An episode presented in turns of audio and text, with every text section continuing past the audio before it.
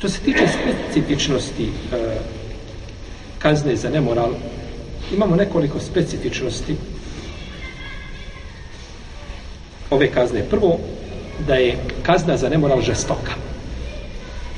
Teška.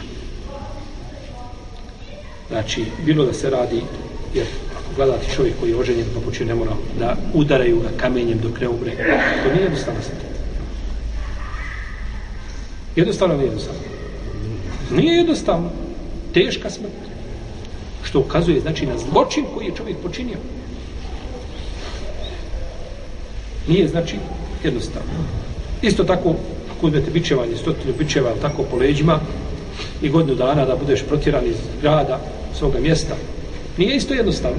Tako, otpuduješ negdje tri dana, pa ovaj, čovjek da tako nostalgije ga uhvati nekako i vraćao bi se nazad kako onda kada bude protjeran godinu dana? Pa je ovaj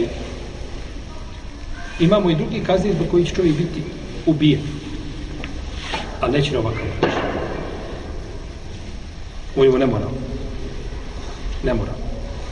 Vidjet ćemo u to da li ulazi ovaj homoseksualizam ili ne ulazi. Ali govorimo ne mora. Kao što ima, recimo, i za druge kazne, imaju, imaju za druge kazne propisano bićevanje. Ali nema stotinu. Pa je to specifičnosti koje se tiču čega? Ne mora. Ne mora. Jesu. Isto tako, od specifičnosti kazne nemorala jeste to što je došlo da a, zabrana da vjernike da se vjernici sažaljevaju nad onima koji ispočeli nemoral.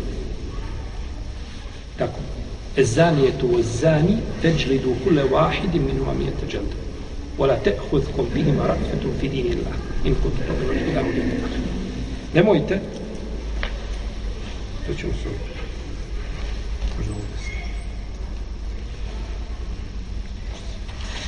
Nemojte da vas uh, jeli, nemojte udarite po stotinu bićeva i nemojte da vas a, pri izvršenju te kazne obuzme milost. Nekako, pa da kažete pa dobro hajde da vidimo možda će se popraviti, možda će ovo ma možda će, ne možda će izvrši ono što ti Allah naređuje, nema milosti Milost je kada dođeš do stotinu. Ne smiješ više preko toga. Jer je to uzvišen, Allah nije propisao. To je onda ovaj zulum je nepravno. A do tada nikad. Pa se ne smije znači, jer uzvišen je Allah, je li on milostivi prema nama ili smo mi sami prema sebi? Gospodar naš prema nama, definitivno. Ebu bude daj govorio, kaže da mi presudi uzvišeni Allah, draži nego moji roditelji da mi presudi.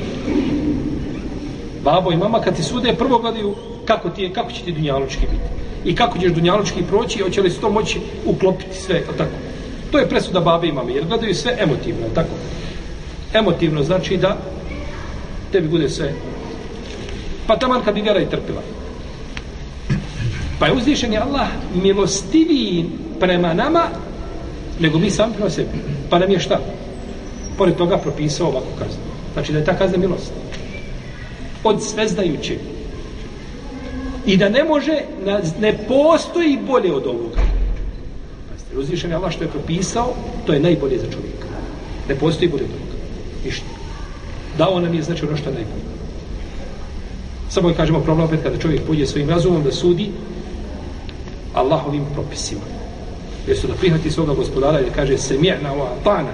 Čuli smo i pokoravamo se, on dođe i razglaba, stavi a, jednu postavku šarijata, propis, na vagu na vagu razuma. Da vidimo, kaže, kakav je taj jeli propis. I treća stvar, što uzvišen je Allah za naredio da se to i kazni, da to i kazni pristuje skupne ljudi. On ješe da azabehuma pa ifetu mine mu'minin. I neka kazni njihovoj prisustuje jedna skupina vjernika. Pa sto specifičnosti koje se tiču, jeli, ne možemo dolazimo do pitanja homoseksualizma.